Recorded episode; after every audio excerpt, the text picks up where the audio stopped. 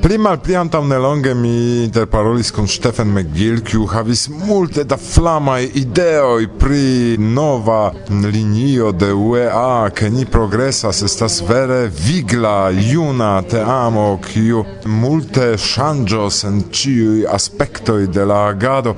Kaj poste mi renkontis lin post duonjaro kaj mi demandis, li diris ke nune ĉio ankoraŭ sukcesis, tamen ni plu havas flaman eh, teamon. Ĉu same vi opinias pri nuna estraro de UEA, ke ĝi estas flama, kaj ne sen iluziiĝis pri novaj ideoj, pri laboro fakte? Ĉar tio estas laboro. Estas laboro, vi pravas, kaj la laboro progresas ja malrapide kutime. Estas multaj obstakloj, ĉu ne? financae homai simple la facto che homoi logias in diversae landoi kai ancao laboras cutime ne profesie sed en sia liber tempo Do tiuj factori uh, eh, signifas che oni povas fari granda in sed oni devas esti pazienza se temas pri la realigo kai per sistema L'obstino, la spero kai la pazienza ĉu ne? Kiel diris Ludovico. Yes, do tiu ci estas mia dua estraro, mia dua mandato kiel prezidanto, char mi reelektiĝis en Nitro kai kun mi reelektiĝis tri aliaj estrano, inclusive de Stefan, kiun vi mencis, el Malnova Teamo, anche Martin Schäfer, kiu estas nia generala sekretario, kai Li Junki, nia estrano pri Azio kaj Afriko, Aldo aldonigis du novaj estoranoj, Sara Spano, kiu okupiĝas pri kulturo, kaj kongresoj, kaj eksteraj rilatoj, kaj diversaj aliaj aferoj, kaj Emilio Cid el Brazilo, kiu uh, okupiĝas pri informado, kai la mi tio estas tre bona teamo ki estas malfacile kunmeti pli bonan sesopon da homoj tre activemain, agemain, dedicitain al siai agat campoi, cae al la bono de UEA. se ec kun tia bona teamo mi ne dirus che tio nepre faras da vojon facila, ĉu ne? Unu el niai grandai nunai proiectoi estas la renovigo de la reteo de UEA kaj ankaŭ de la datumbazo ĉar imagu ke ni havas datumbazon en la centra oficejo per kiu ni prizorgas niajn financojn nian membraron la libro servon kaj tiel plu kiu estas pli ol tridek jarojn aĝa. Ĝi estas la sama sistemo kiun mi trovis kiam mi eklaboris en la centra oficejo en la jaro 1986. uh, do intertempe la la computila mondo iomete progressis oni povas diri kaj nun ni investis fakte la laboron de eh, uh, sufiĉe talenta volentulo en la pretigo de la datumbazo kaj nun ni dungas teamon por fari la grandan retean renovigon. Do mi vere pensas ke tio estas granda antaŭen paŝo per tio UEA povas liveri multe pli ni diru moderna in servo in al CI membro. Exemple ni havos vere plene funkciantan retbutikon por la libro servo. Tel ke oni povas mendi libro libroin kaj aliajn baroin o congressa in servo in tre facile. Oni povas sendi monon de sia UEA conto per simpla en saluto kai calcai clacoi per muso kai en oni povas sendi monon al alia faca asocio au iu arrangio al kiu oni volas aligi au simile. Do tio estes ia modernigo, ĉu ne? Kaj mi vidas vere ke tio estes la ĉefa tasko de nia nuna estraro. Es porti la asocion de la stato en kiu ni trovis ĝin, kiu estis, nu, ni diru proksimume de la jaro 2000, kaj porti ĝin al la jaro, ni diru, dudek dudek. En do asocio kiu vere funkcias laŭ la modernaj normoj kaj la ebloj de la nuntempa mondo sed se tio en si mem ne signifas ke ni solvis in defiojn. Nia asocio same kiel miloj dec dekmiloj da aliaj asocioj tra la mondo perdas membroin cer homoj nun en la epoko de interreto alkutimiĝas al tiu senpaga, ĉu ne oni povas ĉion trovi en YouTube au au kiajn, kai do oni malpli membrillas ol antaŭe. Kai tio trafas anka uean Ni havas apena nun kvin mil individuain membroin dum iam ni havis pli ol ok mil. Do alia shanjo kiu ni nun proponos al la komitato es shanjo en la membrosistemo. Por havi tre uh, malmultekostan bazan kotizon por liveri nur retajn servojn al homoi til ke oni ricevus eĉ ne unu postaĵon de postajon de UEA. Uh, Mi frutran ne, mi povas lasi. uh, kio estus lingvo se ne ne povus foje fuŝ paroli ĝin. um, ni pensas, ĉar evidente uno la grandaj fenomenoj nuntempe estas ke multega homoi eclerdas almeno Esperanton rete per Duolingo kai lernu kai similaj aferoj kai iel ni devas venigi tu in homo in la movado do unu inter la plano kiu ni discutis en nia ĝusa konsido en Rotterdamo estas la ideo okazigi konferencon eble kunlige kun la ILEI kongreso en Madrido venontiare Giuste pri tiu demando de retaj lernantoj de Esperanto. Do kio logus ilin alla movado kaj tenus ilin tie Kai do ni esperas ke anka havi retan membro kategorion esos maniero malfermi uean al tiu nova generacio de esperantistoj.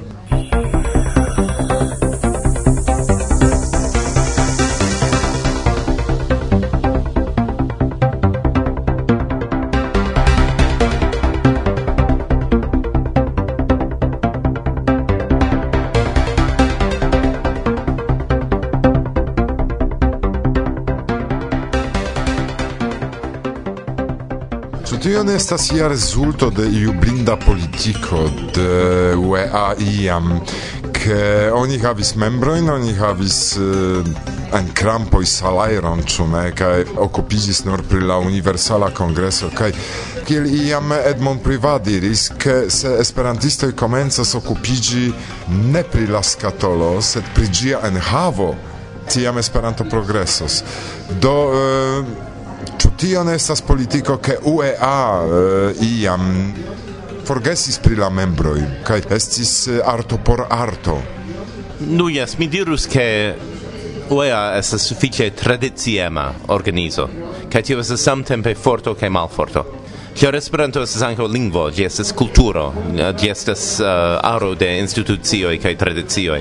Kai UEA farigis tra la e iel la chefa gardanto de tiu cultura heredaĵo, ni diru. Do tiu tradiziemo estas ankaŭ respecto al tiu rolo kiun ĝi havas. Sed la problemo al la defio estas che oni ne povas esti tiel tradiziema kai anca sam tempe esti movada organizo kiu adaptigas al evoluoi in la ekstera mondo, kiu trovas novain mesaĝojn, kiu zorgas kiel vi diras pri la enhavo kaj pensas kritike pri la nuna situacio pri ŝanĝoj kaj tio plu. Do iel mi pensas ke enue estas tiuj du tendencoj kaj la tradiciemo emas superregi la aliajn. Sed ĉiam estas homoj kiuj venas kun novaj ideoj ĉu ne? Kaj iel kiel estraro ni devas stiri nian vojon inter tiuj du mi iam diris che mia espero che il presidente de UEA estes malfermi la asocion alla creai fortoi del movado. Ca mi vidis che tivi creai fortoi estes cae tradiziemai cae renovigai. Exemple in la literaturo, ne? Neniu bona verkisto volas ignori tion kion oni jam trovas en la literaturo, oni devas coni la autoroin de la pasintezzo alie, aliflanque, neniu bona autoro anco simple volas reprodukti, refari tion kio jam existas. Kai mi pensas ke iel devus esti tiel anco pri aliaj flankoj de la agado de UEA. Do vi mencis pri espero kai via revo, Marco Nu, mi, mi shatus fidi che Esperanto feriglia ia iel moda, su ne? mi pensas che gi havas multa in traito in cui devus placi al homo in nun tempo mondo. Gi estas tia flexibla, leggera tre divers maniere usebla kai esplorinda fenomeno ki un homo povas alproprigi kai poste usi laŭ sia bontrova laŭ malfermiĝantaj okazoj kai emoj kai tio laŭ mi es juste laŭ la stilo de la nuntempa junularo, tiu mirinda interplektita tutmondiganta homaro, ni diru. Sed samtempe, kompreneble, Esperanto portas iun etikan missio, naŭ etikan komprenon kun si. Kai do mi chatus ke tiu enmodiĝo de Esperanto, se ĝi jam okazos, ne perdu tiun dimension, ne? Cia tiu lau mi estas la vera vi parolas pri la enhavo de la skatolo, kaj laŭ mi tio estas la plej kerna enhavo, ke per Esperanto oni strebas fari la mondon pli loginda, pli vivinda por homoj de el ĉiuj fonoj, ĉiuj landoj. Vi havas ŝancon turni vin al la aŭskultantoj kaj diri ion kai kiel persona ordinara esperantisto kiel ni kai eble kiel oficisto se vi deziras mm. Auscultas vin homo en la tuta mondo. ja, bone. Kai vi havas uh, multipli da e ol ni havas membrojn. Mi konscias pri tio. Nu, yes, mi dirus al homo rigardu al UEA kun espero. Kai tio ne signifas rigardi sen kritike, ĉar kompreneble ĉio homa estas kritikebla Kai ofte kritikinda.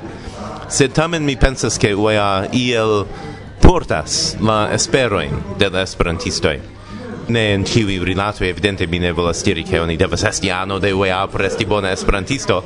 Tamen mi pensas che veri indas por ciu esperantisto pripensi ciu ne membrigi en UEA povus esti tamen parto de nia compreno de esperantistezzo ne pro tio che UEA estas sen condice bona sed char gi estas la organizo kiu vere pensas pri Esperanto en monda skalo ni en uh, nia estraro en en niaj laboroj devas konsideri la perspektivojn de homoj en plej diversaj partoj de Afriko.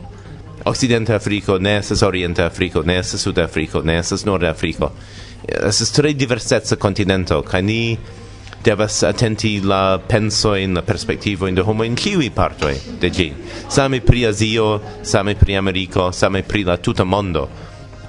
Ie devus esti in Esperantujo organizajo kiu prenas tion kiel sian respondetson kiel kunlaborigi esperantistojn kai kunvivigi ni diru esperantistojn el la tuta mondo. Kai la mia vido tiu estas quasi sankta tasko de wea ti ne ciam faras tion perfecte, se tamen mi pensas che tio estas sufiĉe nobla celo kiun indas subteni. Kai se oni alporta sia in ideo in kai sia energion al UEA, tio ankaŭ helpos gin evolui kai farigi pli inda, pli capabla portanto de tiu misio. Pri grandezza de viei shuoi eble kiun grandezon havas viaj ŝuoj. Ili estas nur de grandeco naŭ, do vere sufiĉe modestaj ŝuoj en, en tiu senso. Do vi rajtas noti, ĉar se Mark ne havos ŝuojn, do tiam vi scios kiujn ŝuojn aĉeti. Vi estas novzelandano, ŝajne, ĉu? Interalie. Interalie. Kaj vi sentas vin? Si scivolas pri la aliaj, do mi estas samtempe usonano, novzelandano, brito kaj kanadano. Mm. Sed nun mi loĝas en Britio, miaj infanoj estas kanadanoj, mia edzino estas kanadanino do eh, mi considerus min unua vice nun canadano. Cividano de la mondo antaŭni sed de la anglolingva mondo fakte do kisoj al Sara salutojn al Emilio kaj al? Nu al al kiuj esperantistoj kiujn mi iam rencontis, ili trovillas en en ĉiuj continentoi. Sed anco al al kiuj tiuj homoj kiuj estas niaj membroj en UAA kiujn mi ne rencontis ancora sed uh, sed mi esperas iam cer tiu homa rencontigio, tiu rencontigio de homoi cun homoi, kiel diris uh, Ludovico en la nua congreso, estes vere la senso cae salo, kiel diris en mon privat, de nia vivo sur la tero, cae anco de nia agado en UEA. Kun eh, prezidanto de UA, kun Mark Fetes eh, parolis Sirek, kun eh, asisto de non Silvi estas por vi, eh, vi rajtas... Nun povas paroli. Yes, nun ili povas paroli kaj ni rajtas iomete manĝi koran dankon. Mi estas Mark Fetes kaj vi aŭskultas nuntempe la radio elsendon de Varsovia Vento bla bla bla bla bla bla bla.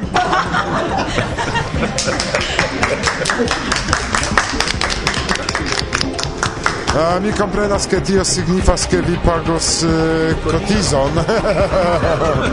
por ciaro.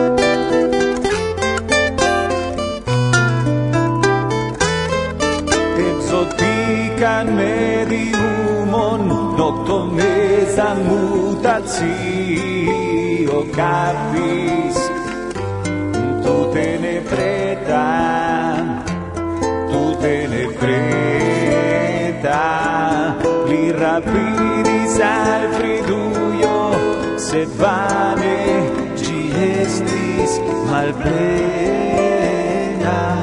ja delonge ja delonge en lingua internazia vi auscultis la messaggio in secreto.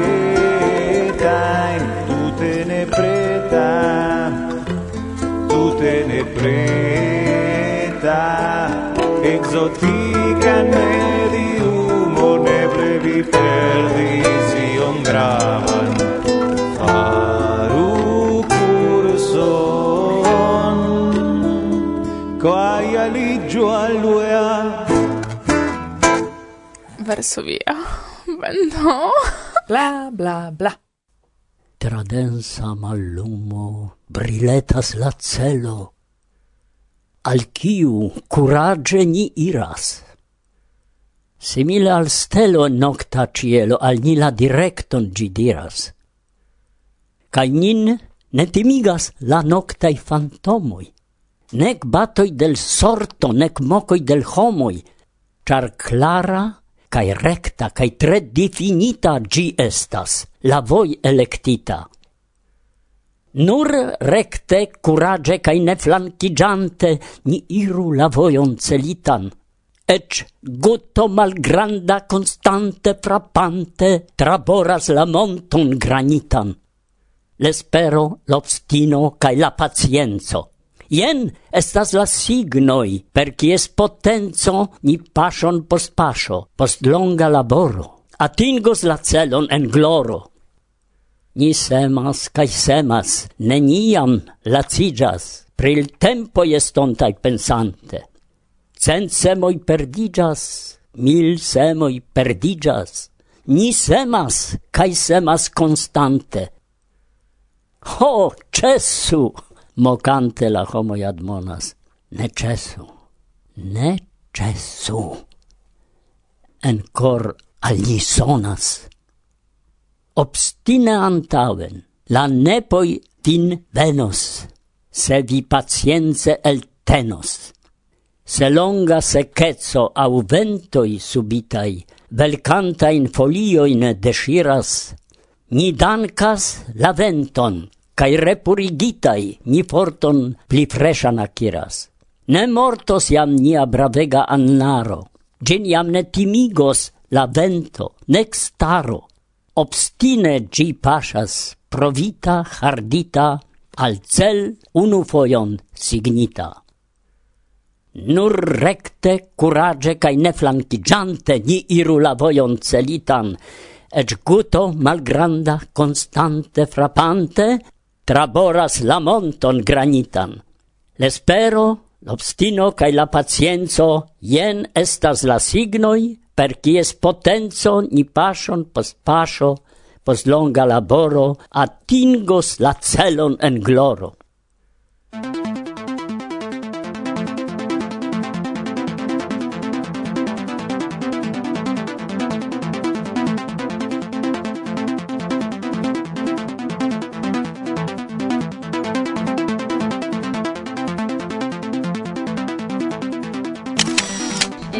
do mi eh, volus mallonge iel presenti kiel el tiu projekto de Zamenhof, eh, kiu aperis kun minimuma gramatiko kaj eh, minimumaj tekstoj, ekestis iu vere vivo plena lingvo kiun ni uzas nun en plej diversaj kondiĉoj.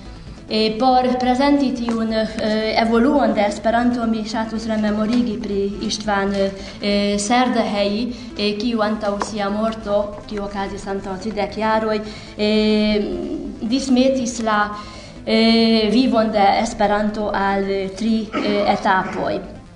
Mi dismetos ĝin poste al uh, kvin.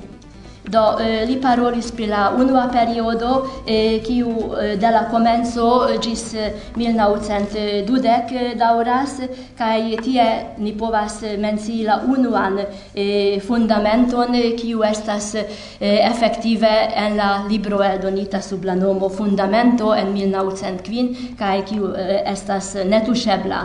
E ties funkcio estis iel stabiligi la sistemon kiun mi presentos dum la venontae circa dudec minutoe. Unui mi parolos pri la influoe de la familio Samenhof sur la fondo de la Esperanto Museo en Vieno.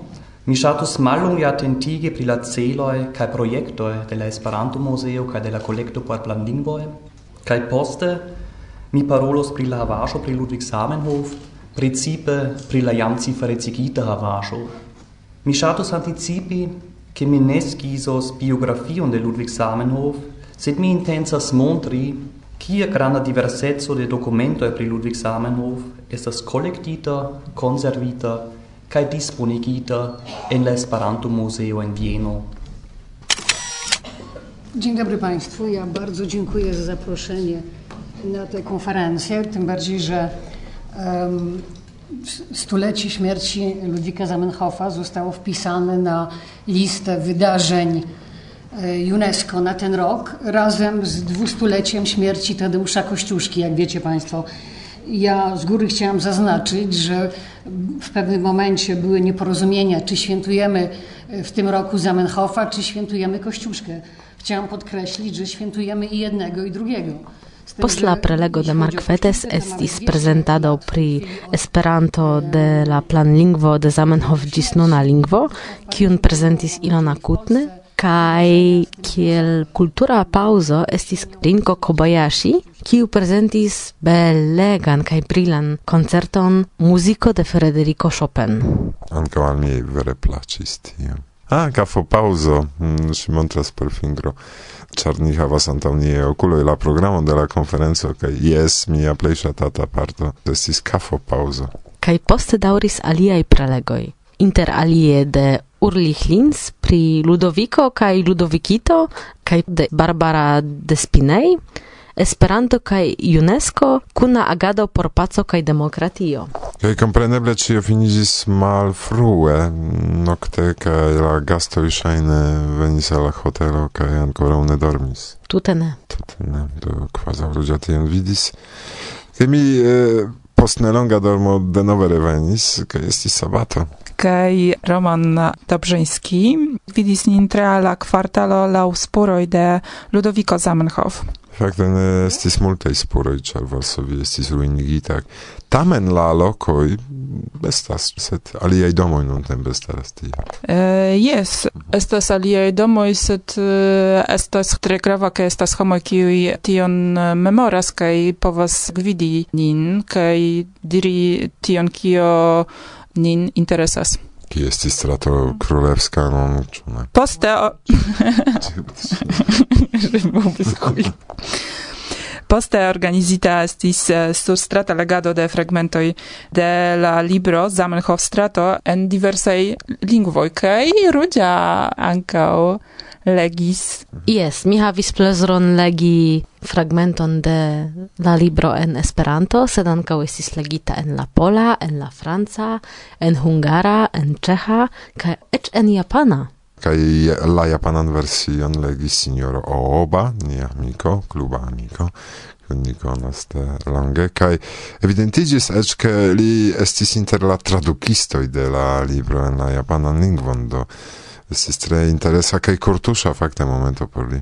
Por li kaj por lia edzino, kiu fakte kunhelpis tion. Cora in saluto do al ciu japanoi. Arigato gozaimasu. Ĉu vi memoras kiom da japanoj tradukis tiun libro? Estis eh, multege. Multege. La signora Oba mencis pri tio, ke organizita estis reto de homoi kiuj collectigis eh, kai ciu tradukis iun parton de la libro kaj yes, poste po kelkaj paĝoj. Kaj poste la libro estis compostita en la tuton. Ĉu? Yes, estis unu homo kiu kolektis ĉion, kontrolis ĉu estas eh, ĝusta esta tradukita kaj poste estis aldonita tiu traduko. Estis nekredebla laboro. Tre bona formo, laŭ mi. Oh, Wikipedisto, ah, diris.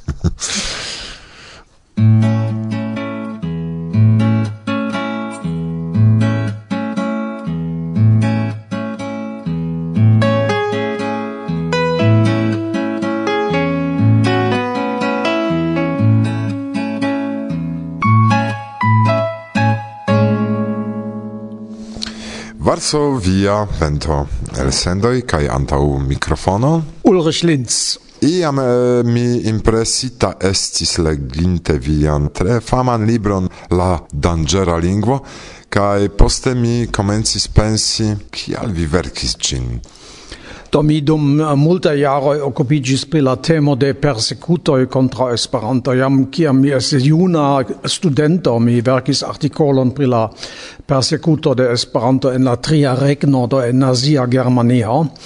Ca la temo tiom interesis min, ca mi plu occupigis esplorante anco la demandon en kiui aliai regimoi Esperanto estis persecutata, kai compreneble tio tui directas la attenton al Soveta Unio. Sed dum jaroi mi ne curagis occupigi, cia mi ne conas la russan lingvon, cae ancau entute materialo estis tre minimuma, Se tamen la temo ne lasis min, kaj finfine mi okupiĝis ankaŭ pri la persekuto de Esperanto en Soveta Unio, kaj aperis eh, longa eseo pri la temo en la libro Esperanto en perspektivo, kiu aperis en 1974, kaj unu jaron poste pli ampleksigita versio de tiu ĉapitro aperis en japana traduko en Japanio kai do eh, ciam pli evoluis la manuscripto, kai do la lasta evolu faso estas la nova eldono de la dangera lingvo, ki aperis pasintiare ne longe anta la Universala Congresso en Nitro. La eh, libro kun la titolo La dangera lingvo estis origine malgranda broŝuro, fakte represso de tiu menciita ĉapitro en Esperanto en perspektivo. Tio broŝuro aperis en Kyoto 1973 Kaj gi veci suffice da attento, gi esis tre rapide elĉapita, ĉar gi avis malgrandan eldonkvanton, do tio ne tamen eh, montras al grandega vendosukceso. Sed eh, tiu titolo La Dangera Lingua en radicigis, de comence estis ciam homoi kiuj plendis, ca dias, ah, Esperanto ne estas dangera lingvo, kial vi nomas vian libron tiel, sed legante la libron, comprenante la fonon, oni comprenas che Esperanto estis considerata dangera lingvo de definitai regimoi, kai che la titolo alludas al tio, ne al ia natura dangerezzo de Esperanto. Per tio oni povus kelkfoje ŝercas, sed tiam mi ne shatas, facta la temo esas tro seriosa. Do iam eh, Platano eldonis kododiskon pafklik fek al Esperanto kaj poste multe klarigis ke ne temas ke ni fekas al Esperanto se temas pri opinio de la cetera mondo ĉu ne fek al Esperanto. Sed kompreneble multaj esperantistoj tion ne komprenis ili pensis ke ili fekas al Esperanto kiel kantistoj ĉu ne? Sed interesas min kial vi komencis okupigi pri tio. Um, do mia instigo estis tia, che mi studis historion en la universitato, kai komponebla en historio, eh, principe in Germanio, eh, oni ciam multe attentas tiam pri la Hitlera tempo, Caccia mi esi espantisto mi pensis jam frue, au mi exis hazarde pri la fama citajo de Hitler in mein Kampf, kai Do iun tagon mi simple rigardis en la kalendaron ca remarcis ah che venontiare estos la trideca dat reveno de la malpermeso de la Esperanto movado en Germanio. Do en tio okazis en 1936 ca en 1966 do tridec jaren poste mi pensis, a, ah, oni devas memorigi pri tio, ĉar fakte post la milito neniu occupigis pri la temo. La plei multae germanae espantistoi tiu agiai au tiu tempai eh, ne shatis tracti tion malagrablan historian de la persecuto eh, sub Hitler, kai ili do kun legis mian artikolon, quancam mi devas tui audoni, che existis anca ciam homoi qui uh, eh, recte plendis contra me, eh, contra mia tractado uh, de tiu ticla temo. Li diris che mi junulo cio ne travivis la trian regnon ne povas compreni la malfacilan situacion en kiu trovigis la esperantistoi. Nu, sed la apogo, kion mi ricevis, estis pli grava, facte anco pli granda, o la critico.